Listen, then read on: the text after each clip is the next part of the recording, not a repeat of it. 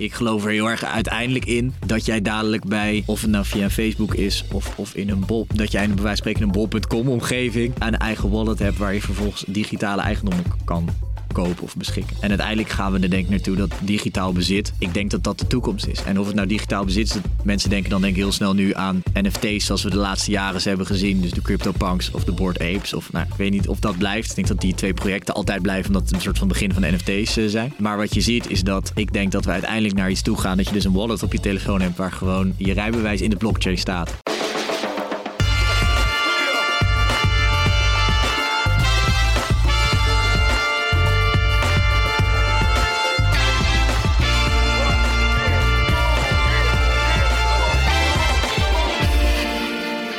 Goedemorgen, goedemiddag, goedenavond of wanneer je dit ook luistert. Welkom bij The Brief, een podcast over merken, marketing en content van Wayne Parker Kent.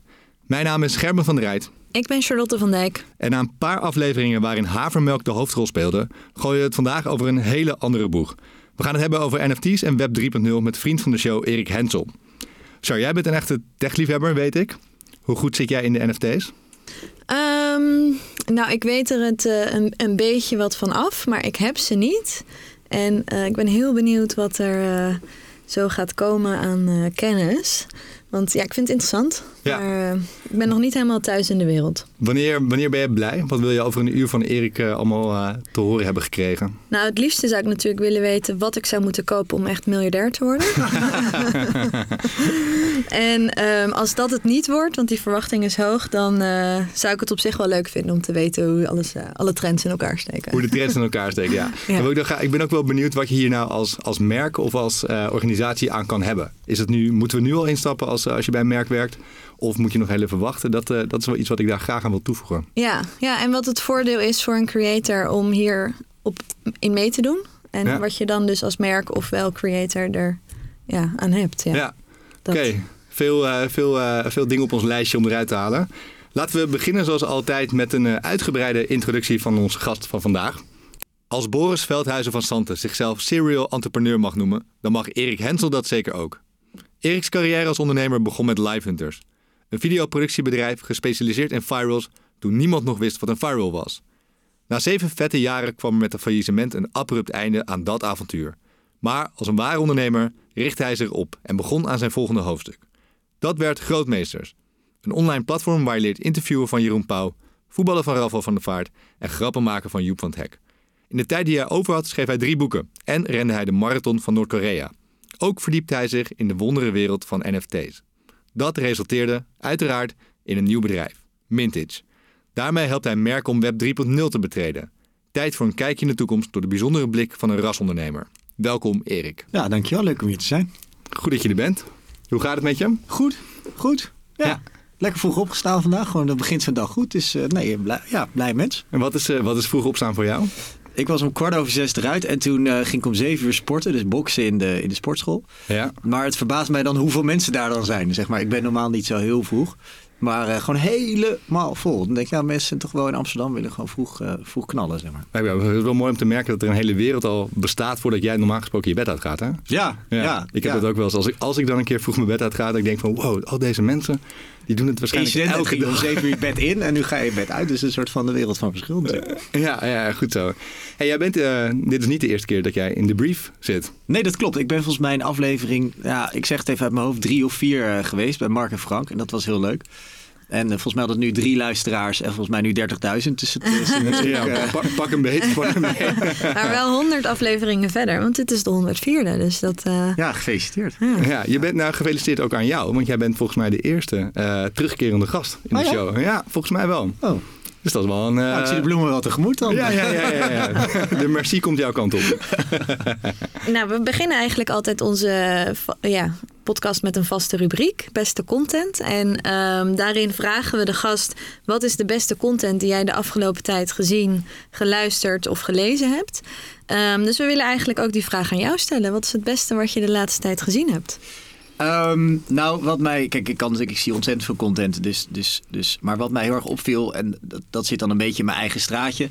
Er is een uh, bekende Amerikaanse ondernemer, die heet Kevin Rose. En Kevin Rose is eigenlijk in ons vakgebied de Mark Zuckerberg, zeg maar, waar Mark Zuckerberg de topondernemer was in Web 2, is Kevin Rose nu in Web 3 de nummer 1. Dus die heeft allerlei NFT-drops heeft hij gedaan. Hij is een van de grootste NFT-verzamelaars. Hij heeft een eigen uh, tech-firm opgestart. En um, hij heeft een gesprek met Tim Ferriss. Nou, die kennen jullie ook wel, de, de, de, de schrijver van bijvoorbeeld de 4-Hour Workweek. En dat gaat eigenlijk over een komende NFT-drop van um, Tim Ferriss. En wat ik heel leuk vind aan dat gesprek, en dat vind ik sowieso heel leuk aan Kevin Rose. Kevin Rose is helemaal niet een haantje of een, of een soort alfa-mannetje. Of, het is gewoon een heel eerlijk en open gesprek als twee vrienden. En Kevin maakt elke week de podcast uh, Proof. En eigenlijk aan die podcast is verbonden Proof Collective. En Proof Collective, dat zijn eigenlijk duizend NFT-verzamelaars. Ja, zeg maar de grootste duizend NFT-verzamelaars van de wereld ongeveer. Dus, en die delen dan kennis met elkaar. Dus je moet zo'n uh, zo'n pas ook kopen. Inmiddels voor echt astronomische bedragen. Laten we het daar niet over hebben. Maar Um, maar wat ik leuk vind aan Kevin, en, en dat typeert ook een beetje de Web3-wereld en de NFT-wereld, is dat het is een eerlijk gesprek. Het, het, gaat ook over de hoeveelheid. Het gaat over, over welke dingen je wel en niet moet doen. En wat ik heel leuk vind aan Web3, en, en dat valt mij erg op, is dat iedereen elkaar wil helpen. En iedereen wil, weet je, niemand heeft het wiel uitgevonden. En zelfs Kevin Rose, die nu dus de, ja, de grootste is in de wereld, denk ik, op dit gebied. 1,6 miljoen uh, Twitter-volgers zelfs hij geeft zijn kwetsbaarheid toe en zegt: Ja, ik weet het ook niet. We zijn maar aan het bouwen, we zijn dingen aan het proberen, er gaan dingen mis.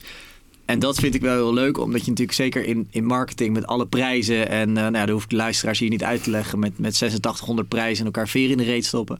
Vond ik dit wel interessant, omdat het ja, een heel kwetsbaar mooi interview was, vond ik. En ik hou er altijd wel van als mensen zeggen: Ja, ik heb het wiel niet uitgevonden. Ik, we zijn maar dingen aan het proberen. En soms gaat het goed en soms gaat het mis. En, en ik vond die eerlijkheid heel tof, omdat je dat gewoon in podcasts en in zeker Amerikaanse podcasts, die natuurlijk flink gehyped zijn. Uh, hoor je dat gewoon niet zo heel veel. Dat mensen eerlijk zijn over waar ze twijfel over hebben en dingen die misgaan en die niet goed gaan. Ja, voelt ook een beetje als je dit zo beschrijft als uh, ik heb het niet echt van dichtbij meegemaakt, maar de begindagen van het internet. Dat iedereen inderdaad nog een hele open community, iedereen wilde elkaar, wilde elkaar helpen. Het ging ook om het vrij delen van informatie. Dit voelt dan een beetje hetzelfde. Ja, nou zo zie ik dat ook wel. Kijk, en uh, natuurlijk, uh, natuurlijk is natuurlijk, wat jij vroeg net van, hey, hoe word je nou miljardair hiermee? Nou, in deze tijden niet. Um, maar beter laat. Een beetje laat. Daar barst mijn droom alweer. maar het, wat ik bijvoorbeeld leuk aan vind is, is, en daar gaat natuurlijk ook Proof heel vaak over. Ik wil luisteraars niet meteen naar Proof sturen, dat ze een andere podcast gaan luisteren, maar Weet je, iedereen is bezig. Dus het gaat over intellectueel eigendom. Het gaat over voting. Het gaat over muziek. Het gaat zelfs over soms dingen die zo ver gaan. Als bijvoorbeeld kan op een gegeven moment je paspoort een NFT worden of je rijbewijs. En wat ik wel cool vind aan, aan, aan Kevin, en, en hij is ook wel in die zin een soort van voorbeeld of uh, ja, hoe zeg je dat, een soort van hero voor mij. Omdat zij maar gewoon dingen zijn gaan proberen. En toen Proof net live ging, dus zeg maar de NFT erop van Proof, toen gingen die passen weg voor naar één ether. En volgens mij staan ze nu, ze zijn even 100 eters geweest. En toen ether heel hoog stond, was het gewoon 4 ton voor zo'n pas. Maar oorspronkelijk, en nu hebben mensen natuurlijk heel vaak over het geld. En mensen die nu 26 villa's hebben met zwembaden. Um, maar in eerste instantie is dat nooit zo bedacht. En dat vond ik leuk aan, aan nou ja, vind ik ook heel leuk aan, aan Kevin Rose. Die is gewoon dingen aan het proberen en aan het uitvogelen. En ik vind dat in elke podcast van hem dat terugkomt. Dus van hé, hey, waar gaat het nou naartoe? En niemand die het weet. Ja. Is hij een grote voorbeeld ook wat dat betreft? Uh, nou, groot voorbeeld weet ik niet. Ja, groot voorbeeld weet ik niet. Maar wat ik wel heel tof vind, is, is ik vind het wel heel tof dat hij hij heeft echt stappen genomen in die Web3-wereld, waarbij hij echt een pionier is geweest in de eerste dingen die hij is gaan proberen. Dus bijvoorbeeld, hij is ook uh, met, met zijn tweede NFT erop, is bijvoorbeeld, uh, dat is Moonbird. Daarbij zit ook een soort van DAO. Nou, ik weet niet of je weet wat een DAO is, maar dat is eigenlijk een soort, wat nu, wat in Nederland gewoon een BV is, zeg maar. Dus een soort decentralized organization.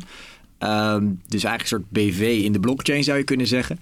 En dat is hij dus begonnen waarbij hij ook een stukje participeert in de onderneming. En, en zo heeft hij allerlei dingen bedacht die zeker toen, toen, toen Web3 net begon, ja, best wel vooruitstrevend waren, vond ik. Ja, mooi.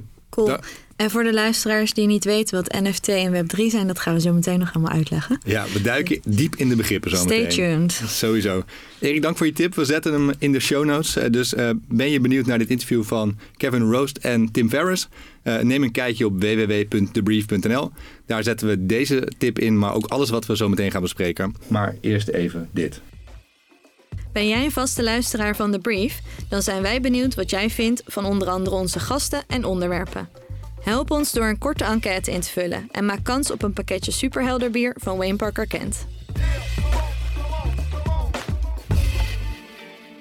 Erik, het eerste eh, bedrijf dat jij begon was Live Hunters. Ja. Ehm, een videoproductiebedrijf nou ja, gespecialiseerd op het maken van virals. Uh, Gerben zei het net al, toen niemand nog wist wat virals waren. Neem ons eens mee naar het prille begin. Hoe is, hoe is Live Hunters ontstaan? Een hele goede vraag. Um, Live Hunters is ooit begonnen eigenlijk als idee van... Kunnen we nou content maken voor adverteerders? Dat is eigenlijk ja, een beetje, dat is echt heel lang geleden. Waarbij we zeiden, kan die content nou zo leuk zijn dat mensen dat met elkaar gaan delen? Want ja, natuurlijk, je hebt van die reclames en 90% van de reclames vind ik echt te achtelijk voor woorden. Weet je, dan denk je, heb je het over, heb je tegen een kind van drie of zo? En eigenlijk was ons idee altijd, kunnen we nou een eigen YouTube kanaal bouwen met eigen content? Waarbij de reclame, want we moesten er ergens van leven, zo leuk is dat mensen dat ook weer willen delen. Dus we zijn gewoon heel veel eigen content gaan maken. Een groot YouTube kanaal met volgens mij uiteindelijk 100 miljoen views uh, opgezet. En, maar ook dus heel veel voor brands gaan werken. En wat grappig was, we hebben een paar enorme hits gehad. Dus zeg maar met 30 miljoen plus kijkers. Maar toch was dat altijd ook uit een soort ambitie dat we gewoon dingen wilden maken die we zelf heel tof vonden. En ja, dan ging het ineens viral. En dat was natuurlijk wel, dat is een magisch effect. Echt een magisch effect. Want zo begon het ook. Jij begon, voordat Live Hunters bestond, was jij zelf allemaal à la stuk tv soort van filmpjes aan het maken, Ja, ja dat is klopt. Eh, voor, voor Live Hunters begonnen hebben we een YouTube kanaal. Uh, bestaat nog steeds. I Know I Can heette dat. En eigenlijk waren wij de eerste op Google Video nog. Dus nog voor YouTube. Dus YouTube was er eigenlijk nog niet eens. Of was er wel, maar in ieder geval niet groot. En op Google Video maakten wij elke week een filmpje. En op een gegeven moment, dat ging dus viral. Zo kwam ik er ook bij, want het kwam op allerlei blogs en vlogs en mensen gingen erover praten. En toen dacht ik, hey, zouden we dit ook op een soort van beetje commerciële manier in kunnen steken? En, en uh, jullie dan eerst naar het merk toe en als ze dan gingen betalen, dan uh, maakte je het? Of maakte je het eerst en ging je dan uiteindelijk naar het merk toe, zo van hé, hey, we hebben dit? En... Veel content hebben we eerst zelf ook gemaakt. Dus eerst gewoon zelf dingen gaan maken. Dus bijvoorbeeld die McDonald's op de voedselbeurs. Dat was eigenlijk iets waar we gewoon, dat zijn we gewoon gaan doen. Dus het was een idee wat op een maandagochtend is ontstaan. En uh, met Wat was het idee? Nou, het idee was eigenlijk heel simpel. We dachten van, is het niet lachen als je je hebt van die, van die, natuurlijk van die hele, ja, hoe zeg je dat, van die, van die, van die, van die voedselbeurzen. Dus waar mensen dan allemaal een soort van Michelin-ster-achtige achtige beurzen. Licht, licht pretentieuze. Uh, en dat heeft natuurlijk iets pretentieus. En dat vonden we wel grappig. Dus we dachten van, zou het nou niet grappig zijn als we McDonald's opsnijden en dat heel mooi presenteren. En dan vragen aan zeg maar een beetje de wijnsnops van deze wereld van, wat vindt u hiervan? En ik ontmoette twee hele leuke jongens, uh, die Alexander Sporren en, uh, en Sascha Harland. En die jongens die hadden een bepaalde, ja, bepaalde flair over zich. Waren gewoon ontzettend van die doerakjes waren dat. Dus we hadden gewoon, we hadden maandagochtend hadden we het erover. Zei ik, zou niet met McDonald's kunnen? Want ik heb daar dan contact mee met McDonald's. En uh, McDonald's zat toen heel erg natuurlijk met de kwestie van dat mensen dachten van... Ja, mensen wisten geen eens meer of op een gegeven moment nog wel vlees in de McDonald's burger zat. Zeg maar. Dat was, zover waren ze gekomen. Dus wij zijn gewoon, zij zijn naar die beurs gegaan en hebben dus mensen gevraagd. Nou ja, en die reacties waren natuurlijk echt om te smullen. Dus mensen zeiden, oh, het smaakt me voortreffelijk. En oh, ik heb nou, is, proef wel dat dit uh, een goede maaltijd is. Nee, nee, nee, echt heerlijk. Die heb ik. Dus we hadden echt waanzinnig leuke reacties. En het grappige was dat we hadden dat geëdit en een beetje naar gekeken en gepuzzeld. En dat filmpje ging live. En, en s'avonds zat ik toevallig in deze studio. Was ik te gast bij de BBC nou, echt alle nieuwszenders eh, op Good Morning America openen hiermee van uh, McDonald's op een voedselbeurs. Dus binnen een paar dagen. Heb je echt binnen uur? drie dagen. Ja, binnen een dag later stond het gewoon 10 miljoen kijkers. Ja. En dat was, ik moet je wel zeggen dat die markt wel heel erg is veranderd. Dus dat was ook de tijd natuurlijk dat die push-to-ad drama kwam. en ik had toevallig laatst al met de makers daar ook van. Dat zou nu niet meer kunnen. Dus nu is dat, ja, die, die tijd is wel echt een beetje vervlogen. Um, dat je zo viraal kan gaan zo snel? Ja, het kan nog wel. Dus bijvoorbeeld uh, Niels Oosthoek van Gierige Gasten, die is er nu weer heel erg mee bezig. Die is een Amerikaans uh, platform aan het opzetten met viral videootjes. Alleen zoals wij dat hadden, echt zeg maar branded content die viral ging. Ja, dat is wel echt honderd keer lastiger geworden. Omdat ja, gewoon elke redactie die zit nu, die zegt ja, uh, dit komt van een merk, ga maar betalen. Dus dat echt dat, dat vliegen, dat is wel echt een stuk moeilijker. Maar het lukt jongens nog steeds. Ja. En is dit ook het filmpje waar het meest trots op bent? Um, goeie vraag. Nee. Ik ben het meest trots op. We hebben een film gemaakt. En dat ging over 100-jarigen met spijt. En het idee was daar eigenlijk van: van nou, hoe, als je nou aan het einde van je leven komt, waar kijk je dan op terug en hoe kijk je dan terug op je leven? En dat zijn we gaan maken. En dat was eerst een film van een uur. En toen zei ik: Nou, dat is iets te lang. En toen hebben we dat teruggesneden naar 18 minuten. En dat was toen al voor YouTube begrippen echt bizar lang. Dus elke viral duurde een minuut. En het moet eigenlijk een beetje zoals nu met TikTok. moest allemaal sneller en korter. En, en we hadden die film en we hadden mensen gevonden, vond ik. Dus, dus de, we hadden een hele goede casting, uh, mevrouw in Engeland. En we hadden mensen gevonden die gewoon het leven uitstraalden. Dus we hebben uiteindelijk hebben we 50 mensen gevonden. We hebben teruggesneden naar acht mensen die we dus hebben gefilmd. En van die acht mensen hebben we er drie gekozen om daadwerkelijk in die film te komen. Ja, allemaal 100 jaar plus. Allemaal 100 jaar plus. Dat eentje bij 106, eentje voor 103 en eentje voor 102 en een, en, en een half, zegt hij dan heel goed. Ja. maar, en het leuke aan die film was dat dat was echt iets gewoon zonder adverteerder, zonder branded. We hebben dat zelf betaald. En, en we geloofden gewoon zo in dat idee als creatief bedrijf. Um, en het leuke is, die mensen zijn, dus die film die stond ook na een week, stond die op, uh, nou, ik weet niet meer, maar volgens mij ook 10, 20 miljoen views. Uh, voorpagina Daily Mail. En die mensen zijn nog in de laatste fase van hun leven, dus de laatste drie jaar van hun leven, zijn ze gewoon beroemd geworden nog. En over de hele wereld. Dus er kwamen mensen bij hun langs, ze kregen brieven, ze, kregen, ze kwamen in de televisie, kregen een eigen televisieprogramma. En de impact die die film heeft gehad op een positieve manier op mensen hun leven. Kijk, dat McDonald's verhaal is natuurlijk lachen en mensen hebben daar een smaal van op hun gezicht gekregen. Ja. Maar als je die reacties ziet op die video van 100 jarigen met spijt. Ja, er zijn gewoon mensen die zeggen: Wow, ik was depressief en kijk deze film elke dag. En ik zeg niet dat we mensen hun leven hebben veranderd, maar het heeft wel impact gehad op heel veel Misschien mensen. Misschien een klein beetje. Ja, dus daar ben ik wel het meest trots op. Ja, en dat was uh, geen gesponsorde content, toch? Dat was content die jullie gewoon hebben gemaakt omdat jullie vonden dat het gemaakt moest worden. Ja, dus wij verdienen dan zeg maar met die non-branded content verdienen we eigenlijk gewoon op het intellectueel eigendom. Dus de Daily Mail betaalde ons daar dan voor, zeg maar als ze dus dat wilden uitzenden of, of bepaalde zenders die dat wilden uitzenden. Dus we hadden dan zeg maar de rechten van die, van die film. Maar goed, dat was natuurlijk een enorme gok, want de investering was 15 tot 20.000 euro. En het kan ook zijn dat je drie views haalt. Dus het is, ja, je neemt er wel een, risico mee. Maar ik vond ook altijd, en dat heb ik ook altijd in de dagen van live gezegd, van ik vond het als een klant dat risico neemt om dus dat soort bedragen, en vaak waren het nog veel hogere bedragen, in een firewall te stoppen. Ja, dan moet je dat zelf ook durven. Dus dan moet je zelf ook die content durven maken. En het gaf ook ons natuurlijk goede exposure, omdat je niet alleen maar een bureau bent. En uiteindelijk, ja. wat ik heel jammer vind, LiveFinch bestaat nog, maar het is nu wel. Het is nu gewoon een reclamebureautje geworden die uh, filmpjes maakt voor Calvé Pindakaas. En ik, ik mis wel de, de magie, zeg maar, van die... LiveFinch vond ik echt een uniek bedrijf in de markt. Iedereen had het daarover. En uh, ja, dat was gewoon een soort... Niemand snapte ook wat het nou precies was. Dat was ook niet altijd even goed, maar... um, ik, ik mis wel een beetje die bravoure van de begintijd. Zeg. Ja, de speeltuin die het was. Destijds. Ja, de speeltuin. Ja. ja.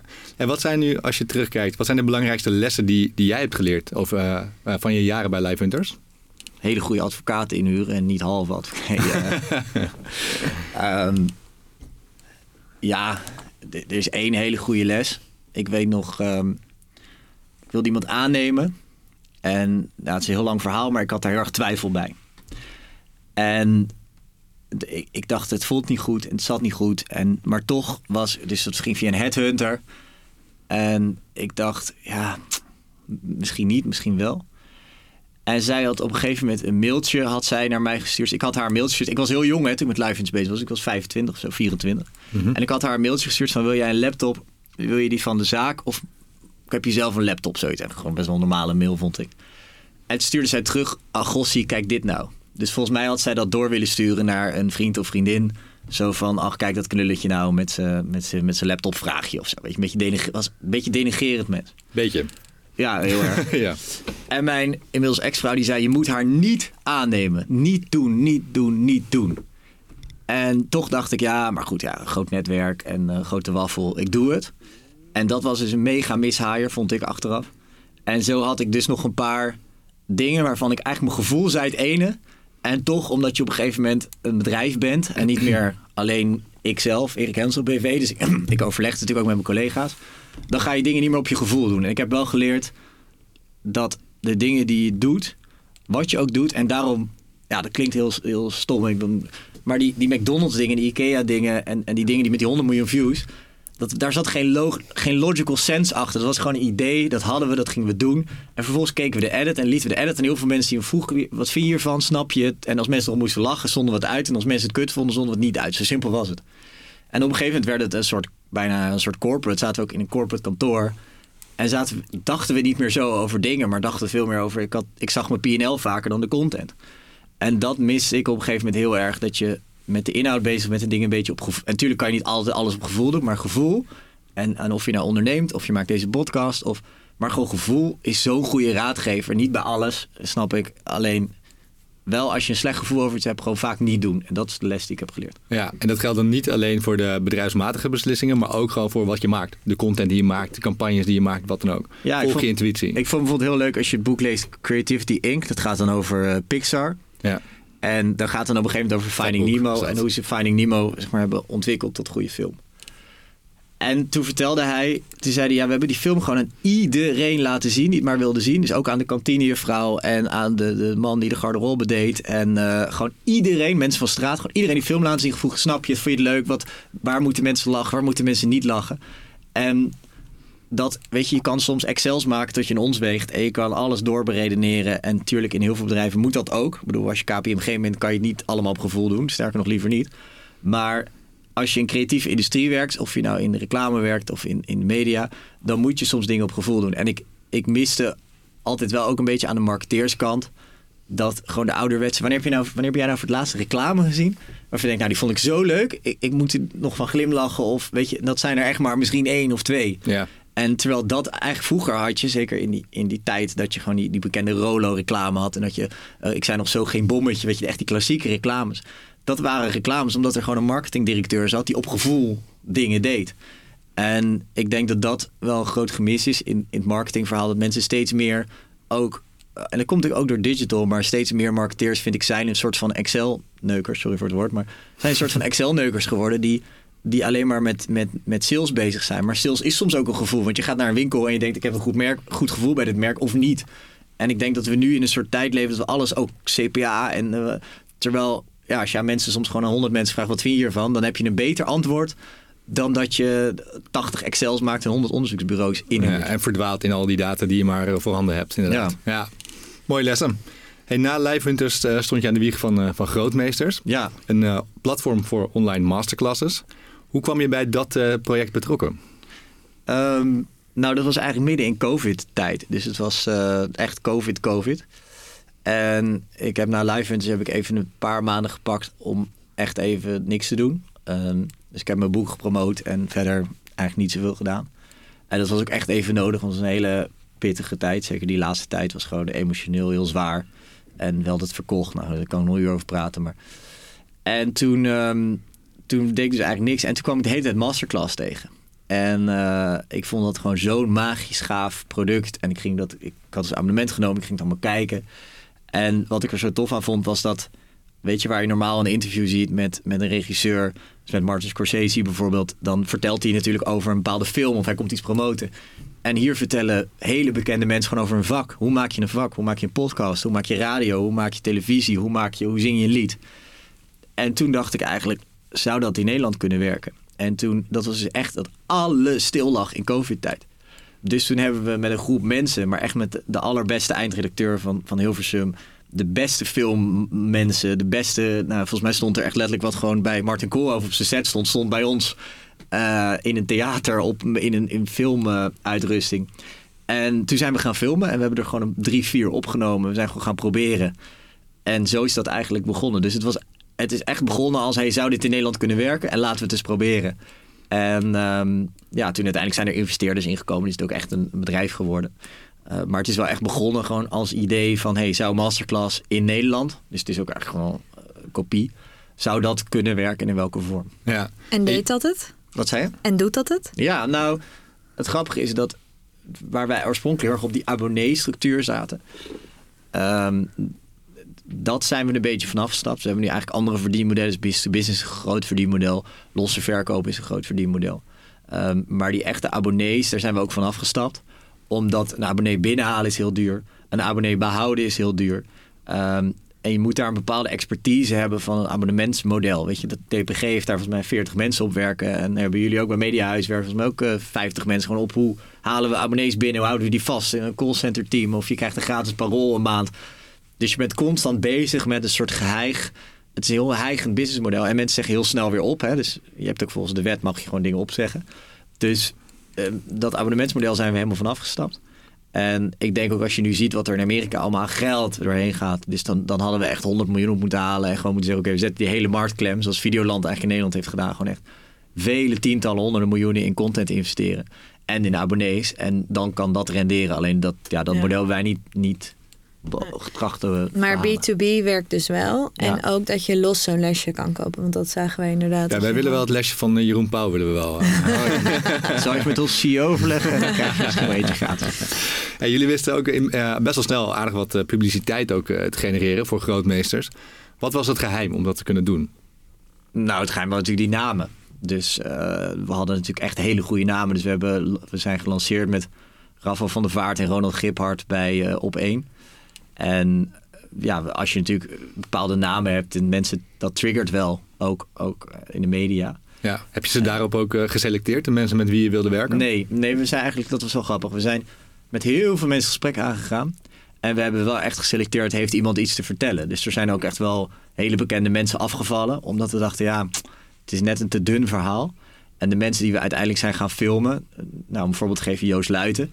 is een van de beste golfers van Nederland. Maar er zijn denk ik vijf golfers in Nederland... die in de top 100, zeg maar, eh, golfers staan.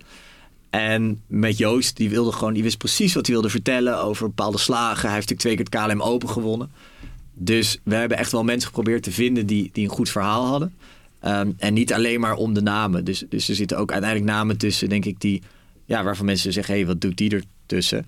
Ehm, en, en het grappige is bijvoorbeeld Govert Schilling. Ja, is niet een naam die heel veel mensen iets zegt, maar dat is een van de bekendste astrologen van Nederland. Is een van de bekendste sterrenkundigen. En zijn pad masterclass is een van de populairste masterclasses. En eh, ja, als een Govert Schilling is niet iemand die morgen... eh, ja, zit wel veel bij de media, maar ik bedoel, het is niet iemand zoals Joep van het Hek... of, of Ellen Hoog of Rafael, die we ook in, de, in, in, in het programma hebben. En, maar wel heel populair en, en een super inhoudelijk goed verhaal. Dus, en zo zijn we bij heel veel mensen ook terechtgekomen... die gewoon een waanzinnig goed verhaal kunnen vertellen. En, ja, Martin Koolhoven, Ehm, hele, hele bekende regisseur, ook een hele goede regisseur. En ja, je hebt denk ik tien regisseurs in Nederland die op dat niveau staan. eh, Matthijs van Heiningen. En alleen Martin kan zo goed uitleggen waarom een shot een goed shot is. Waarom, eh, hoe een bepaald verhaal verteld moet worden. Welke muziek eronder gelegd moet worden. Dat hij, vind ik, voor grootmeesters de beste is die dat kan doen. Dus ja, het gaat om de naam. Het gaat om, om wat iemand te vertellen heeft. En, maar het gaat ook wel echt hoe iemand dat vertelt. Ja. Wat Mooi. is zelf je favoriete masterclass? Oh, goede vraag. Ik vind, nou ja, dat, dat durf ik bijna niet meer te zeggen. Maar Heb je ik, ze allemaal gevolgd? ik heb ze allemaal gezien. Soms zelfs twee, drie keer. En ik vind die van Jan Six echt heel, heel, heel erg goed. Omdat Jan heel gepassioneerd uitlegt. Omdat hij heel duidelijk uitlegt. Omdat het een onderwerp is wat iedereen fascineert. Weet je, iedereen Waar kent gaat het over? Ehm, nou, het gaat eigenlijk over. Het gaat eigenlijk niet zozeer over zijn ontdekkingen. Ehm, het gaat meer over ja, hoe, je, hoe je naar kunst kijkt. En wat het grappige is, Jan zegt in zijn masterclass, en dat vind ik heel grappig, hij zegt, eigenlijk moet je je voorstellen dat je kijkt naar een schilderij. Dus hij kijkt naar een Rembrandt, je kijkt naar een Rembrandt. En dan kijk je er nog een keer naar, kijk je even weg, dan kijk je nog een keer, dan kijk je, kijk je even weg, kijk je nog een keer. En eigenlijk pas als je voor de dertigste keer kijkt naar dat schilderij, de culturen die je dan ziet, dat is hoe Jan voor de eerste keer naar dat schilderij kijkt, omdat hij professioneel voor zijn werk naar schilderijen kijkt. Hm. En ik vind Jan een hele leuke vent. En ik vind wat de media over hem heeft geschreven, weet je wel, ja, denk ik, ja, is allemaal heisa en gedoe. En ik vind dat hij heel duidelijk uitlegt. En, en ja, ik vind hem echt een, een. Ja, ik vind dat hij echt een masterclass geeft die. Waarvan ik denk, oh ja, die, die heb ik ook echt een paar keer teruggekeken. Omdat het zo, hij is zo op de details. En ook kijk hier, Rembrandt bedoelde dit met dit en zus en zo. En hoe, ja, wat ook wel een spannend onderwerp is. Hij heeft gewoon schilderijen los van die twee Rembrandts heeft hij schilderijen gevonden, letterlijk bij het Oud Vel, die voor 10, 20 miljoen bij Christie zijn verkocht. Nou, dat is natuurlijk spannend. Het is een jongensboekverhaal. Ja. En hoe hij dat heeft gedaan. En, en nou, ik vind het echt, echt fascinerend. Tof. Nou, je hebt nu nog maar een klein aandeel in eh grootmeesters, maar, Het is wat je klein noemt. hè. maar je focus je vooral nu op je nieuwe bedrijf, Mintage. Ehm, hoe ben je in de NFT's gerold? Ja, dat is ook weer eigenlijk een, een stom toevallig verhaal. Ik, ehm, ik las in het FD dat Sotheby's 80 mensen op NFT's had aangenomen. En ik wist wel wat NFT's waren. Ik wist een beetje hoe dat zat. En ik geloofde zelf nooit echt in crypto. Omdat, ja, wat kan je met crypto? En toen ben ik me eigenlijk meteen in NFT's gaan verdiepen. En wat ik er zo interessant aan vond was dat, of eigenlijk nog steeds vind, is dat ik meteen de mogelijkheden zag die verder gingen dan plaatjes op de blockchain.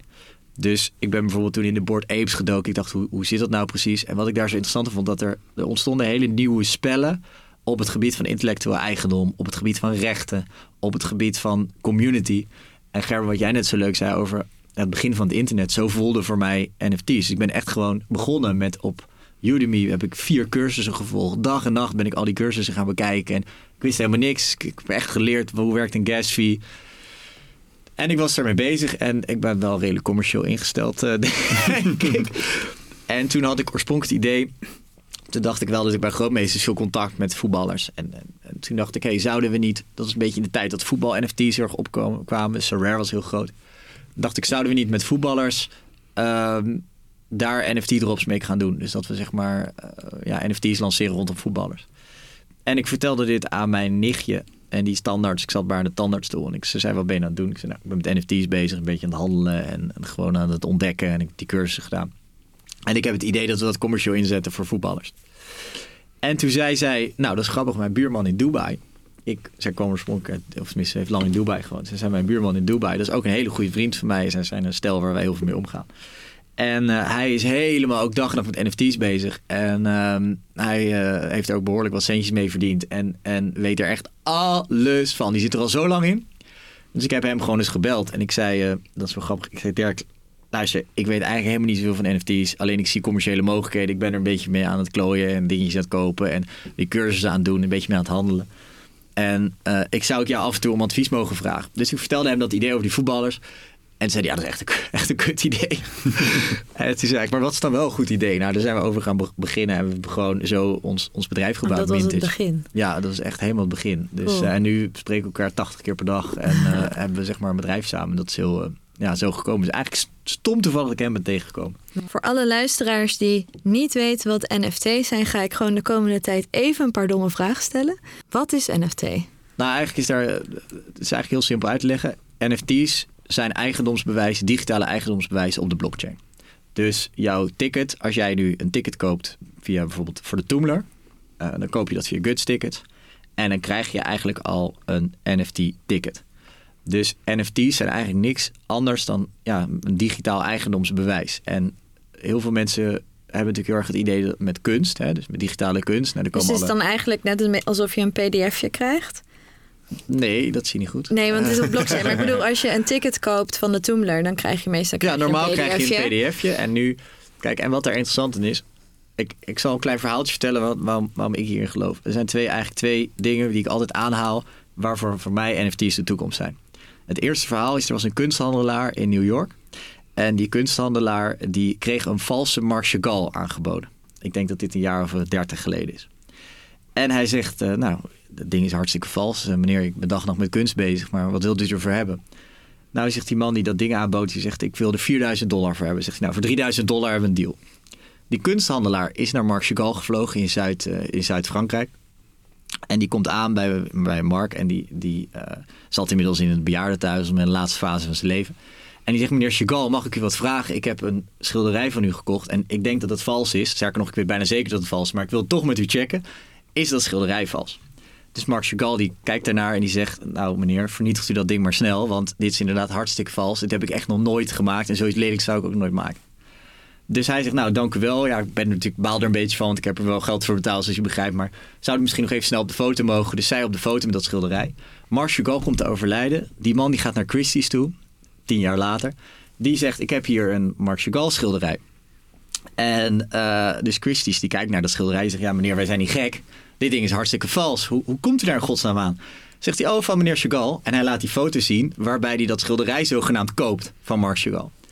En ik noem dit verhaal altijd als, als voorbeeld, omdat met NFT's dat niet kan. Dus het is 100% hufterproof. Je, je eigendomsbewijs staat op de blockchain voor altijd en eeuwig. En zo zie je bijvoorbeeld dat, dat je hebt de, in Parijs is uh, bij de Champions League finale staan 10.000 mensen met een vals ticket voor de deur. Gewoon gekopieerde pdf. Nou, in, op de blockchain kan dat niet. Oké, okay, maar hoe laat je dat dan zien? Zit dat in een appje of zit dat voor iedereen? Het is natuurlijk best een abstract begrip. Ja. Uh, en ik snap dat een eigendomsbewijs, maar hoe, uh, als wij nu een, nou, een, NFT zouden kopen, hoe ziet dat eruit? Het zit eigenlijk in een digitale portemonnee, dus in een wallet. En um, wat wij doen is dat wij die wallets, je hebt dus je hebt een MetaMask wallet. Dat is eigenlijk een digitale portemonnee. Die moet je aanmaken. Daar kan je dan cryptocurrencies naartoe sturen en dan kan je dat kopen. Oké, dus je koopt En- NFT's altijd met crypto. Nee, daar ga ik nu antwoord op geven. Je loopt op mijn vraag vooruit. Hou dat vast. Antwoord, hou hem vast. Nee, dat is dus niet meer zo, want wij zijn nu eigenlijk met Mintage hebben we, ehm, en dat noemen ze custodial wallets. En dat zijn eigenlijk een wallet die je leent. Dus, ehm, dus wat eigenlijk vervolgens gebeurt, is jij als consument wil een NFT kopen. Dat kan voor elk bedrag zijn. Dan leen je een wallet, dus eigenlijk gewoon met je e-mailadres. Dan koop je die NFT. En vervolgens kan je gewoon met Ideal Credit Card kan je afrekenen. Dus die, wij hebben die technische stap gemaakt. En dat is nu ook waar, we, zeg maar, waar ons hele bedrijf mee bezig is. Dus wij zijn eigenlijk niet zozeer meer bezig met... We denken mee met de propositie. Maar dat laten we echt bijvoorbeeld aan een reclamebureau... of aan een merk of aan een, IP-owner. Vervolgens zeggen we, oké, wij doen het hele proces... dat iemand zeg maar gaat afrekenen. Eh, en of dat nou, of iemand wel een wallet heeft of geen wallet... of heel veel van NFT's weet of helemaal niks... Ehm, daar hebben we eigenlijk nu een flinke stap mee gemaakt. Dus dat inderdaad, tot voorheen was het eigenlijk altijd zo dat je, dat je dus een crypto wallet nodig had om een NFT te kunnen kopen. En dat zie je nu dat echt aan het verdwijnen is. En, en dat vind ik ook interessant aan. Dus wij hopen eigenlijk, we zijn bijvoorbeeld met grote televisieproductiemaatschappij in gesprek, dat we echt naar de massa toe, dan wel met televisie-IP, dat we daarmee voor de massa, zeg maar, NFT's kunnen gaan inzetten. Ja. Maakt het wel gelijk weer veel toegankelijker voor iedereen natuurlijk. Ja, en ik denk dat dat ook is waar het uiteindelijk naartoe moet. Kijk, het was een beetje als in de begintijden van het internet. Toen ja, waren mensen bezig met, met, net met TMF-chat. En ja, mensen waren een beetje aan het proberen. En misschien dat iemand een keertje een liedje kocht of downloadde of via het internet. Eh, of misschien een keertje radio luisterde of een spelletje schaak speelde. En dat, dat waren in het begin pioniers. Dus, dus ja, dat waren me- mensen die, die net aan eh, op, op Ilse zaten, zeg maar. Dat, dat, en, maar dat, waren nog niet, dat was nog niet de massa. En ik geloof er heel erg uiteindelijk in dat jij dadelijk bij, of het nou via Facebook is, of, of in een bol, dat jij in een bij wijze van spreken een bol.com omgeving een eigen wallet hebt waar je vervolgens digitale eigendommen kan kopen of beschikken. En uiteindelijk gaan we er denk ik naartoe dat digitaal bezit, ik denk dat dat de toekomst is. En of het nou digitaal bezit is, dat mensen denken dan denk ik heel snel nu aan NFT's zoals we de laatste jaren hebben gezien. Dus de CryptoPunks of de Bored Apes. Of nou, ik weet niet of dat blijft. Ik denk dat die twee projecten altijd blijven omdat het een soort van begin van de NFT's eh, zijn. Maar wat je ziet is dat ik denk dat we uiteindelijk naar iets toe gaan. Dat je dus een wallet op je telefoon hebt waar gewoon je rijbewijs in de blockchain staat. En nou heb ik het niet over de komende drie jaar of over de komende vier jaar. Maar ik denk dat we de komende 30, 40 jaar daar naartoe gaan. Dat digitaal bezit een heel normaal iets is. En ik kan een voorbeeld geven. Veel vrienden van mij met kinderen. Die kinderen vragen al geld voor hun verjaardag. Ehm, en niet om, om naar de supermarkt te gaan om, om, chocola of briezen te kopen. Maar die willen gewoon eh, geld in hun wallet. Zodat ze in Roblox een staartje kunnen kopen. Of dat ze in Fortnite bepaalde kleding kunnen kopen. Een bepaald dansje. Nou, dat zijn al NFT's. Dus dat is eigenlijk al gewoon digitaal bezit. Je bezit dat nergens anders dan op de blockchain. En zo kan je bijvoorbeeld kijken naar garantiebewijzen. Maar ook naar loyaliteitsprogramma's. Ik denk dat er eigenlijk heel veel met zo'n digitale wallet. Dat er uiteindelijk heel veel toepassingen gaan komen. Waar we misschien nu nog ineens over na kunnen denken. Right. En met Minted, wat jullie eigenlijk doen, is die abstracte ver weg wereld toegankelijk maken voor de massa. Dat proberen we, ja. Ja. Wat je ook al een paar keer noemt, eh, crypto's wordt een paar keer genoemd. Eh, ik denk dat heel veel mensen NFT's en crypto's ook wel door elkaar halen. Of niet precies weten hoe de twee zich tot elkaar verhouden. Ja. Hoe, hoe verhouden die twee zich tot elkaar? Hoe zou je dat uitleggen? Nou, Dirk zegt altijd, die is een grote collector, dat is mijn compagnon, die zegt altijd van, ik vind het jammer dat crypto op, of sorry, dat NFT's eigenlijk op crypto zijn gebouwd. Want het had bij wijze van spreken ook gewoon op de dollar gebouwd kunnen zijn als dat een blockchain netwerk geweest was. Ehm, ja, dat is natuurlijk eigenlijk heel veel NFT-projecten, eigenlijk 99,9% zijn op eh, Ethereum of Solana of Polygon gebouwd. En ja, dat vind ik, ik vind dat lastig, omdat het de markt, het maakt de markt heel volatiel. Dus je ziet nu ook weer met die FTX-crash dat, dat ja, je kan in één keer eh, de helft van je vermogen kwijt zijn binnen een dag. Ik ben ook zelf niet zo'n enorme crypto-fan, omdat ik de toepassing er niet heel erg van zie. Alleen je ziet wel, kijk, je moet je voorstellen dat die, dat die, dat die coins, dat zijn allemaal netwerken, dus ook het Ethereum-netwerk. Nou, je moet het op een bepaalde blockchain, moeten die NFT's eh, gebouwd worden of gestald. Die kan, dat kan je niet zomaar in de lucht doen. En dat is dus altijd gedaan met een ether en, en, dat soort, dat soort, eh, ja, dat soort blockchains. Alleen wat je nu ziet is dat door eh, dat er de dingen misgaan, door die cryptocurrencies, dat, dat het heel volatiel wordt. Dus dat vind ik ook wel... Ja, Dat is ook een gevaar voor, de, voor de toepassing van NFT's. Die volatiliteit. toch? Nou, wij zijn er bijvoorbeeld nu mee bezig dat je gewoon in, in, in dat je, dat is eigenlijk wat ik net vertelde. Wij zijn er nu mee bezig om die NFT's of die NFT-toepassing gewoon toe te passen op, wij zeggen altijd voor de grap en dat is een beetje flauw, maar Mina uit Assen en Gerda uit Urk. Dus als een opdrachtgever bij ons komt, gaan we samen eigenlijk een soort IP ontwikkelen of eigen platform. Zitten we altijd performance-based in, dus we doen altijd een stukje skin in the game mee. Maar dat betekent wel dat iedereen het moet begrijpen. Dus iedereen die iets zowel bij ons koopt als opdrachtgever moet begrijpen wat, wat er aan de hand is. En het leuke vind ik dat we nu echt met dingen bezig zijn.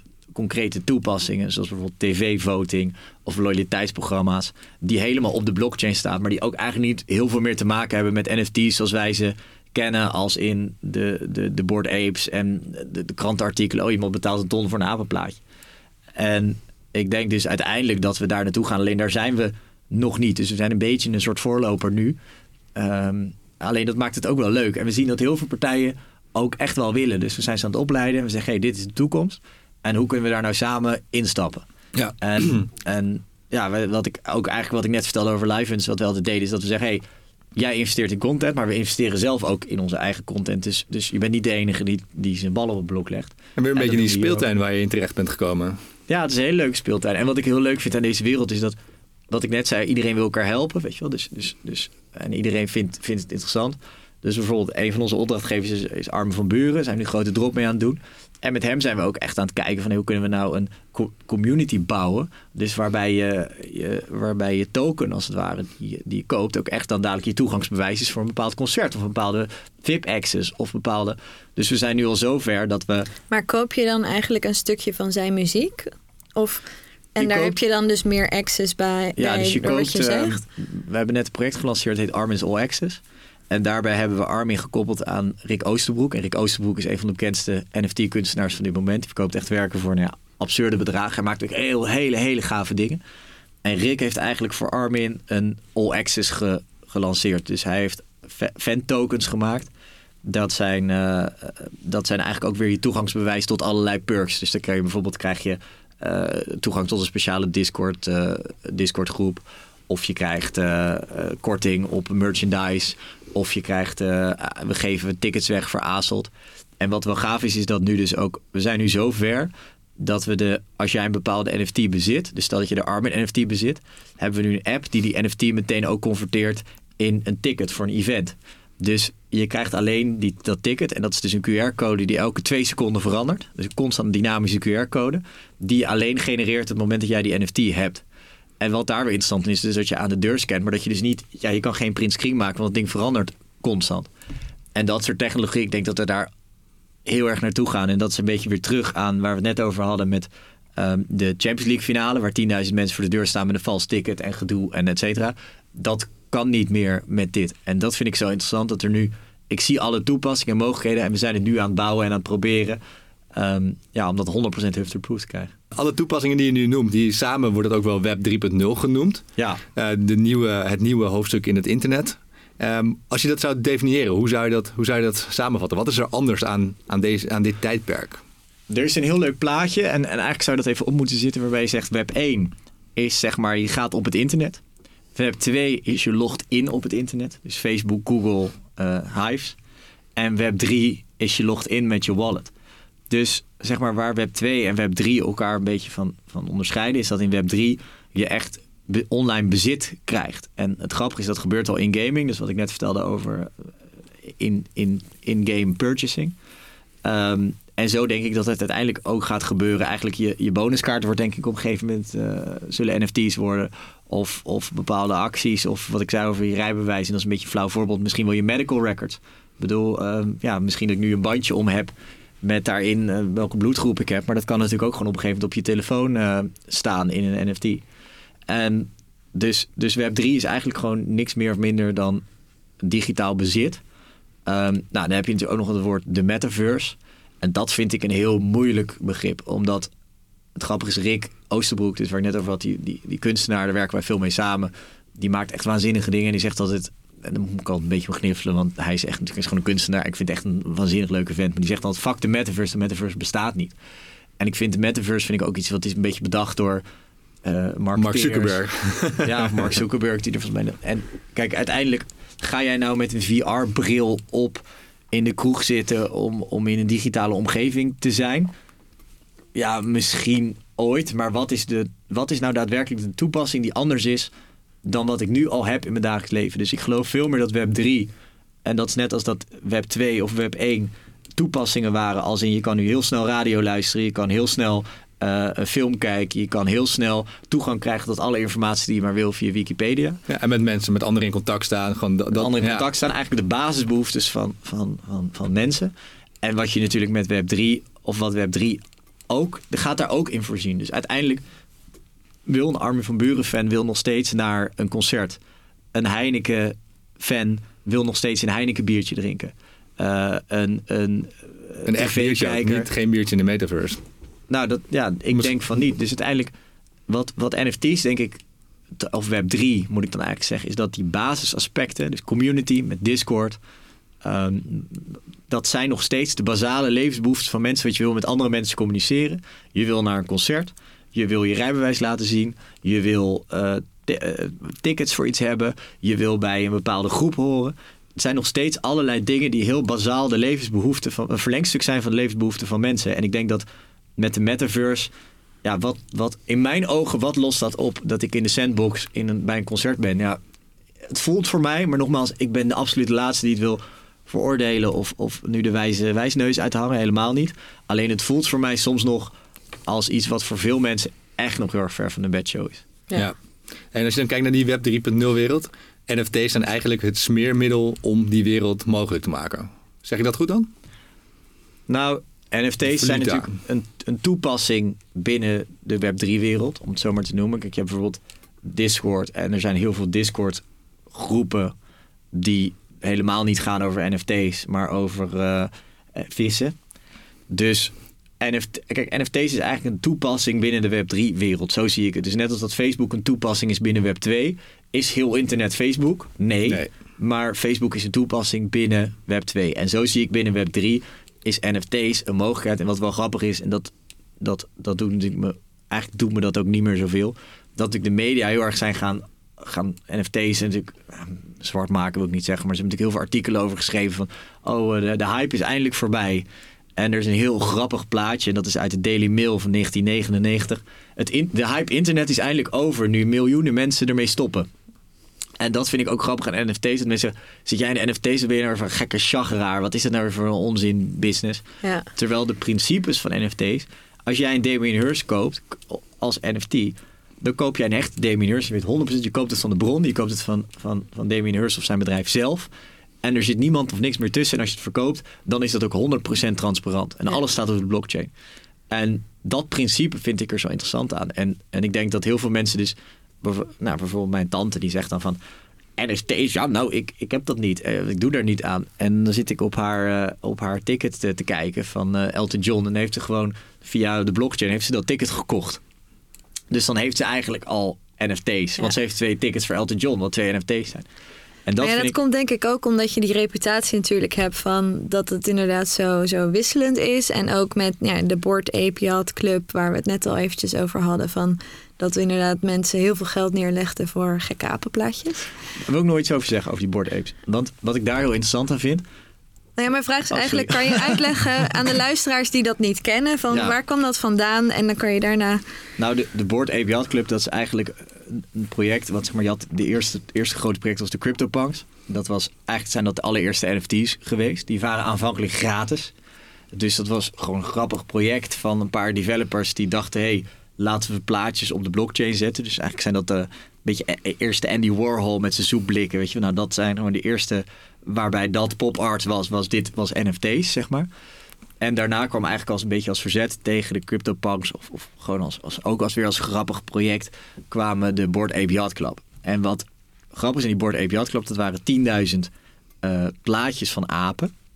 Maar wat er zo grappig aan is, dat is enorm, enorme hype geworden. Dus die apen zijn een paar ton waard geworden. Volgens mij staan ze nu weer op 80.000 euro.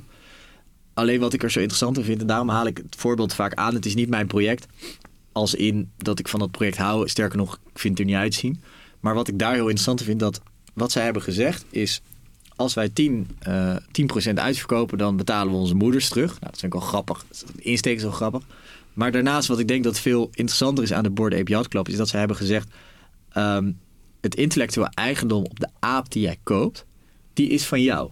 Daar mag je mee doen wat je wilt. Dus die mag je op truien zetten, die mag je op eh, sneakers zetten. Daar mag je, als je een winkel hebt, mag je hem op je winkelruit plakken. En wat ik daar interessant vind, is eigenlijk dat dat merk een heel sterk merk is geworden. Want iedereen kent dat. Want die, of tenminste, veel mensen kennen dat. Ook een beetje rond de tendentie daaromheen is ontstaan. Maar wat ik daar interessant vind, is dat... Ja, eigenlijk is als jij de rechten van Stewie van Family Guy zou kunnen kopen... Misschien een beetje flauw vergelijking, omdat het een, serie is waar ook veel IP uit ontstaat. Maar pak even die vergelijking voor een ton, dan zou je dat doen. Want nou ja, als je Stewie op 100.000 shirts drukt, Dat verdien je terug. dat verdien je terug. En dat idee, dus los van dat ik het project aan zich niet mijn project is, of daar niet heel erg warm voor loop en ook dat niet heb, vind ik het idee van zeg maar, je koopt zo'n apenplaatje, maar vervolgens koop je ook het intellectueel eigendom van zo'n apenplaatje. Dat vind ik heel grappig. En ik denk dat we daar veel meer naartoe gaan. Je ziet dat dat Blauw, die DJ, die heeft de rechten op zijn album verkocht. De Chainsmokers heeft, hebben volgens mij 2% royalty over hun muziek. Gaat naar de NFT-holders. En dat vind ik dus grappig. Dat je ziet dat allerlei dingen gebeuren. Dus ik denk op een gegeven moment... Als jij bijvoorbeeld een start-up hebt. Dus, dus Wayne Parker kent, nog een voorbeeld. Die moet op een gegeven moment geld ophalen. Komt een waardering. Dan moet je naar de notaris. Dan moet, als iemand dan mee wil doen, dan moet hij met een akte. En heel ingewikkeld. Terwijl je ook kan zeggen, hey, we gaan ICO, we, doen, we gaan geld ophalen. En 10% van ons bedrijf worden zeg maar allerlei NFT's. En daar kan je of één of meerdere NFT's van kopen. Nou, dat, daar zijn we ook nog niet. Hoewel dit in Amerika wel ook aan het gebeuren is. Maar wat ik daar grappig aan vind, is los van dat je... Omdat het op de blockchain staat, is het 100% transparant en kan je ook niet terug. Dus eigenlijk heeft de blockchain dezelfde functie bijna als een akte. En dat is ook waarom ik denk dat uiteindelijk heel, heel, heel notarieel Nederland uiteindelijk ook misschien in de blockchain aan het werk gaat. En dus er zijn allerlei mogelijkheden die zijn ontstaan door zeg maar NFT's, die voorheen konden, maar heel ingewikkeld waren. Ja, en met die Board Apes, dat was eigenlijk gewoon zo'n voorbeeld van dat het aan het begin was en dat het enorm gehyped is en dat het eigenlijk eh, het verhaal eromheen niet heel goed verteld is. Want ja, het, het levert, het kost veel geld, maar het zou dus ook gewoon veel op kunnen leveren. Dus het is. Nou, het verhaal is in de media helemaal- natuurlijk heel erg getypeerd. En nogmaals, dat vind, is niet iets waar ik erg waar ik om want dat is gewoon wat het is. En, en natuurlijk is het leuk als je quote bent of, of een magazine of de Volkskrant. Of, of dat wil je een beetje hypen en dan wil je kliks. En dat snap ik allemaal. Dus, dus die hebben dat helemaal neergesabeld. En dat is ook prima. Ik bedoel, dat, dat, dat kan. En ik denk, wat natuurlijk ook wel weer interessant is, de andere kant bij, weet je, er zit natuurlijk veel, in die eerste projecten de SEC is daar nu ook mee bezig in Amerika. Dus die zijn dat ook allemaal aan het onderzoeken. Of nee, hoe is dat nou precies gegaan met speculatie en dat soort dingen. Dus er zitten nog veel, en dat ben de allerlaatste die dat ontkent. Hè. Er zitten in de hele NFT-wereld zitten gewoon nog veel rafeltjes en dingen die nog niet kloppen. En ik heb bijvoorbeeld binnenkort een afspraak met, met, met een minister van in Nederland om hierover te praten. Van hey, hoe werkt nou met BTW op NFT's? Ehm, hoe werkt het nou met rechten op NFT's? Van wie is het nou precies? Dus er is is natuurlijk geen jurisprudentie over. Net zoals over crypto weinig jurisprudentie is. En, en nou, daar zijn dus. Maar betekent dat dat NFT's niet bestaan of niet blijven bestaan? Ik denk het niet. Alleen het is wel het begin van, van een nieuwe markt. En dat is net als met het internet. Op een gegeven moment stond volgens mij pets.com stond voor eh, weet ik wel, x 100 miljoen op de beurs. Terwijl ze honderden miljoenen verlies maakten per jaar. En, en op, de Super Bowl gigantisch dure eh, spots uitzenden met eh, uitzonden, moet ik zeggen, met, met, met 3% marge. Dus dat kon niet. Het kon niet in stand blijven. En zo is natuurlijk ook de hele NFT-markt op een gegeven moment een soort van gehyped. En elk Penguin-project waar Penguin-plaatjes op de markt kwamen, dachten mensen, oh, dit wordt heel veel waard. En greed en gingen kopen. En Beetje ja, een bubbel kreeg je kreeg een uiteindelijk. bubbel, maar dat is ook het begin van het internet ontstaan. En ik denk dat ja. voor, voor ons, hoe gek dat ook klinkt als bedrijf, is het juist is het eigenlijk heel goed dat die bubbel voorbij is. Want de enige bedrijven die er nog in zitten wereldwijd, zijn bedrijven die hierin geloven en met nieuwe technologie bezig zijn. Dus bijvoorbeeld hier in Amsterdam, ik noemde ze net al even, zit Guts Tickets. Dat zijn gasten die dus nu 100% met ticketing op de blockchain bezig zijn. Alles van Jochem Meijer gaat op de blockchain. Alles van Joep van het Hek gaat op de blockchain. Eh, alles van bijvoorbeeld Toemler gaat op de blockchain, van de Ziggo Dome ook. Dus dat zijn allemaal NFT's die jij koopt. Je koopt dat ticketing als NFT. En ik denk dat we daar naartoe gaan. En, maar dat zijn mensen die... Ik, ik sprak die eigenaren laatst toevallig. En die zijn bezig met de toekomst aan het bouwen. En ik, zeg niet dat wij 100% bezig zijn met de toekomst aan het bouwen. Durf ik niet, dat durf ik niet uit te spreken. Maar we zijn wel bezig met gewoon dingen proberen. En dat vind ik er leuk aan. En ik denk juist doordat er die, die, die bubbel uit die markt is, dat mensen die er even inspringen van, oh, ik ga nu heel rijk worden in de komende twee jaar, dat is allemaal verdwenen. En de mensen die nu over zijn, dat zijn mensen die echt die hard in de technologie geloven en andere toepassingen zien dan oh, plaatjes die op de blockchain staan die heel veel geld waard worden. Ja, je noemt, je noemt best wel veel toepassingen voor, uh, voor, voor, kunstenaars of voor makers. Tussen de, tussen de regels door horen we ook best wel wat toepassingen die je als uh, organisatie of als merk kunt, uh, kunt benutten. Als je een, een, een, overzicht zou, mogen, zou moeten geven van dit zijn de toepassingen waarvoor het nu geschikt is. Welke toepassingen zou je dan noemen? Nou, die noemde ik net al. Ik denk loyalty, dat dat een hele goede is. Ik denk als je kijk, wat, waarom ik denk dat het goed is om als merk in een, in een Discord groep uh, te investeren, uh, is omdat je daarmee eigenlijk IP-owner bent over uh, een groep mensen. Alleen de vraag is natuurlijk, ik stel dat jij Nivea bent, ja, waarom zouden mensen in jouw Discord groep terechtkomen? Dus dan moet je daar wel iets doen, zeg maar. Dan kan je niet ja, het is een soort chatroom, moet je voorstellen. Een soort besloten WhatsApp-groep. Ja, moet wel een beetje leuk zijn. de hele dag over Nivea kletsen ik weet het niet. Dat zeg ik ook altijd eerlijk hè, tegen, tegen merken of opdrachtgevers die zeggen... ja, ik moet een Discord. Zeg, ja, waarom dan? Wat gaan we daardoor doen dan? Um, dus loyalty is één? Dus loyalty, dat is één. Ik denk um, uh, twee is voting. Ik denk dat, weet je, voting op de blockchain is 100%, echt 100% hufterproof. Ik denk drie garantiebewijzen. Ik weet niet of je zelf nog wel eens, maar soms dan krijg je een mail van een jas die je hebt gekocht. Of, of ligt nog ergens een bonnetje ben zelf vrij chaotisch. Dus dan, dan ben ik weer iets kwijt of is iets kapot. En denk ik, oh, waar lag ook weer dat bonnetje, weet je wel. Dus ik denk dat garantie op de blockchain is ook 100% uh, hufterproof. Ticketing, nou, dat, dat vertelde ik net al. Ik denk dat 100% ticketing, uh, dat we daar naartoe gaan. En ik denk uiteindelijk, maar dan gaan we weer een stapje verder, zijn dingen als medical records. Dat je dus, wat ik ook net kort noemde, dat je dus uiteindelijk gewoon je medische gegevens op, op de blockchain krijgt. Uh, of bijvoorbeeld je rijbewijs of je paspoort. Bedoel, hoe kan het nou dat je paspoort dat dat nog steeds een, een, een documentje is. Dat je in Zuid-Afrika, als je Zuid-Afrikaans bent en je wilde volgens mij naar Zimbabwe reizen, dan moest je een test doen hoe je sprak om te bewijzen of jouw paspoort echt was.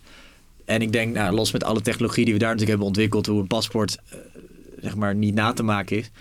Tenminste, dat denk ik.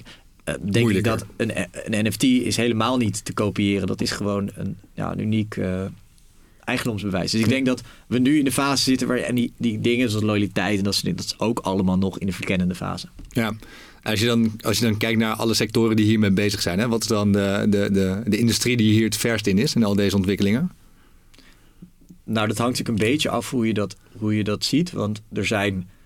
Eh, kijk, wat, wat nu eigenlijk wat heel groot is, zijn voetbalplaatjes bijvoorbeeld. Of, of je hebt natuurlijk de NBA Top Shots in Amerika. Dat zijn momenten uit, uit uh, de basketbalcompetitie die je kan kopen. Je hebt So Rare, hele grote Franse start-up. Dat wordt van ons gewaardeerd op 10 miljard volgens mij. En um, daarbij ja, is eigenlijk het ouderwetse mechanisme van voetbalplaatjes. Um, die hebben dat soort van gereinvent. Dat is nu een hele grote markt. Ik vraag me af of dat een grote markt zal blijven. Dat weet ik niet. Nou, ik heb geen glazen bol. Um, nou, en wat ik zei over, over tickets of wat wij doen met, met echt loyalty programma's. Dat zijn nu wel echt bedrijven die heel die hard groeien. Maar ik denk dat de bedrijven, hoe gek dat ook klinkt, die nu um, wat je ziet, en dat is wel grappig in de Web 3 wereld, is dat de bedrijven die nu heel erg in die Web 3 wereld zijn, dat die eigenlijk niet, nog niet bezig zijn waar we het in het begin van dit gesprek over hadden met hoe krijg ik nou die NFT naar de consument, maar meer, oh we hebben al heel veel Web 3 volgers en fans, laten we daar meer mee doen. Ja. En waar wij mee bezig dat zijn... Dat stap je naar die massa, die, die slaan ze over. Of daar zijn ze niet mee bezig? Nou, nog niet. En ik denk, willen ze wel graag, maar ze weten niet zo goed hoe. En dat vind ik grappig aan, aan onze onderneming. Is dat Dirk, die zit, die, zit, die zit al jaren in NFT's. En, en echt sinds de allereerste dingen, sinds de CryptoPunks, et cetera. En ik relatief gezien nieuw vanuit een beetje commerciële kwinkslag. En ik, ik zeg wel eens, oké, maar gaat Gerda uit Urk... en dan bedoel ik niet denigerend naar Gerda uit Urk... maar gaat die dit begrijpen als die op vrijdagavond op de bank zit en die wil NFT's gaan kopen. Begrijpt ze dan ons proces? En dat is wat ik leuk vind, is om daarmee bezig te zijn. En waar dat naartoe gaat, ik heb echt geen idee. Alleen ik zie wel dat er heel veel gebeurt mensen dingen aan het proberen zijn. Maar ik denk dat is dat. Ik weet dus niet of de bedrijven die nu zeg maar super Web 3 native zijn, of die ook de winnaars zullen worden in het, in het Web 3 spel. En ik, ik denk niet dat wij de winnaars worden, tenminste ik hoop het wel, maar uh, ik ga er Tenminste, ik wilde er alles aan doen. Alleen je ziet natuurlijk ook met bijvoorbeeld een Facebook. Dat was, ja, er was al allerlei dingetjes, waren er al aan het proberen. En op een gegeven moment kwam Facebook en dat werd ineens super groot. En ik denk dat omdat zij vanuit een gedachte begonnen in, in Web 2 van, oh ja, weet je, je moet gewoon met je vrienden een beetje connecten. Dat was het idee. En helemaal niet heel erg mensen die super internet native waren of die heel lang met internet gewoon. Op een gegeven moment had mijn moeder Facebook, weet ik nog. En dat, dat hebben ze vrij snel goed gedaan. En ik denk dat daar ook de winnaars van Web3. Ik weet niet of de winnaars van Web3 de partijen zijn die nu al heel groot in Web3 zitten. Omdat ik zie. Dus bijvoorbeeld, als ik een voorbeeld neem, bijvoorbeeld Dapper Labs, is een heel, heel groot bedrijf. En um, die zijn bijvoorbeeld heel erg, die zijn hier heel erg mee bezig, maar ze zijn heel erg met die crypto-native mensen bezig. En ik denk zelfs dat So Rare, daar moet je enigszins, dus dat zijn die voetbalplaatjes, moet je enigszins verstand van NFT's hebben om daar mee om te kunnen gaan. En ik denk dat er uiteindelijk nu een volgende fase gaat komen, waarbij echt gewoon onze, onze moeders en onze vaders en misschien wel opa en oma, dat die op een gegeven moment er ook in mee kunnen. Ja, en misschien wel dankzij de NFT die jullie voor Armin van Buren gaan lanceren. Nou, dat zou leuk zijn. Ja. hey, wat, wat kun je uh, nog heel kort, want daar, dat is het, het, ja, het grootste project wat jullie nu aan het lanceren zijn. Kun je daar heel kort nog iets over vertellen? Ja, dat is een leuk project. Eigenlijk zijn we met Armin bezig uh, met een Armin's All Access uh, fan token. Het heet ook Armin's All Access. En eigenlijk het idee daarvan is dat als jij dus die, die NFT's koopt, dat je daarmee eigenlijk allerlei perks krijgt. En het leuke vind ik van Armin, die is zelf ook heel erg hierin bezig. Dus die, die zit zelf ook in zijn Discord en die omarmt het heel erg. Ik denk dat dat, en dat is ook nog wel een tip voor de, degenen die luisteren. Wat ik heel vaak zie is dat mensen denken, oh we doen het even erbij. Ja, zo werkt het niet. Het is een beetje als social media. Dus je, moet, je kan ook niet één keer per jaar iets posten op Instagram en zeggen, oh ik zit nu op social media, ik hoor erbij. En zo is dat met Web3 ook. Dus, dus we hebben ook met Armin echt gezorgd hij present is in de Discord. We doen veel Ask Me Anythings. We doen hele vette giveaways. En eigenlijk hebben we nu een community gecreëerd. Een wereldwijde community waar mensen dus bij horen, met elkaar kunnen chatten. Waarbij ze pre-releases krijgen van zijn muziek. Waarbij ze bijvoorbeeld uh, speciale Ask Me met Armin krijgen. Waarbij ze kans maken om dingen te winnen die hij heeft gedragen. Waarbij we tickets voor State of Trends weggeven. Waarbij we speciale dagen doen alleen voor de NFT-holders op de Armada-kantoren in Londen, New York en Amsterdam. En dus dat pakket, om het zo maar te zeggen. Eh, we zijn met andere NFT-artiesten bezig. Dus naast Rick, die speciale drops gaan doen voor de NFT-holders. Dus eigenlijk is dat pakket is, ja, een soort, soort, noem het even, een soort superfans. En daarnaast heb je ook nog een keer waanzinnige kunst van, van Rick. Voor wie normaal het werk niet beschikbaar is. Want normaal gaan zijn werken echt voor 10.000 euro's worden die verkocht. Dus we hebben eigenlijk gezegd, Armin moet naar Web3. Maar we brengen Armin niet naar Web3. We brengen Web3 naar Armin door een samenwerking met Rick Oosterbroek op te zetten. En uh, ja, het is gewoon heel vet. Want Rick luisterde vroeger al naar de muziek van Armin. Dus die zat letterlijk met zijn koptelefoon op. Zat hij zat die, te, dingen te maken. Dus die, dat klopt heel erg. En ik denk dat dat heel belangrijk is. Ook in Web3 dat dingen echt zijn, dat dingen kloppen. Kijk naar in Web2. Hoe zijn al die vloggers en YouTubers. Hoe zijn die allemaal groot geworden? Omdat het allemaal echt was. Het was niet nep of, of verzonnen. Het was gewoon echte content. En ik denk dat dat ook weer in Web3 belangrijk is dat je echt aanwezig bent en dat je het echt omarmt, om zo maar te zeggen. Mooi. Wat kunnen we de komende jaren nog van jou verwachten? Nou, we zijn nu eigenlijk heel hard bezig met, met om te kijken of we dus zeg maar het, het massamedia. Dus we hebben echt vergevorderde gesprekken met, met de grote producenten in de wereld. Um, om te kijken of we zeg maar middels massamedia um, NFT's in de markt kunnen zetten voor een breed publiek. En om daar een voorbeeld aan te geven, um, Big Brother. Op een gegeven moment wilde Telefonica, die wilde heel erg Big Brother in Spanje sponsoren. En dat was niet zozeer omdat ze steeds Telefonica in beeld wilden, ook wel.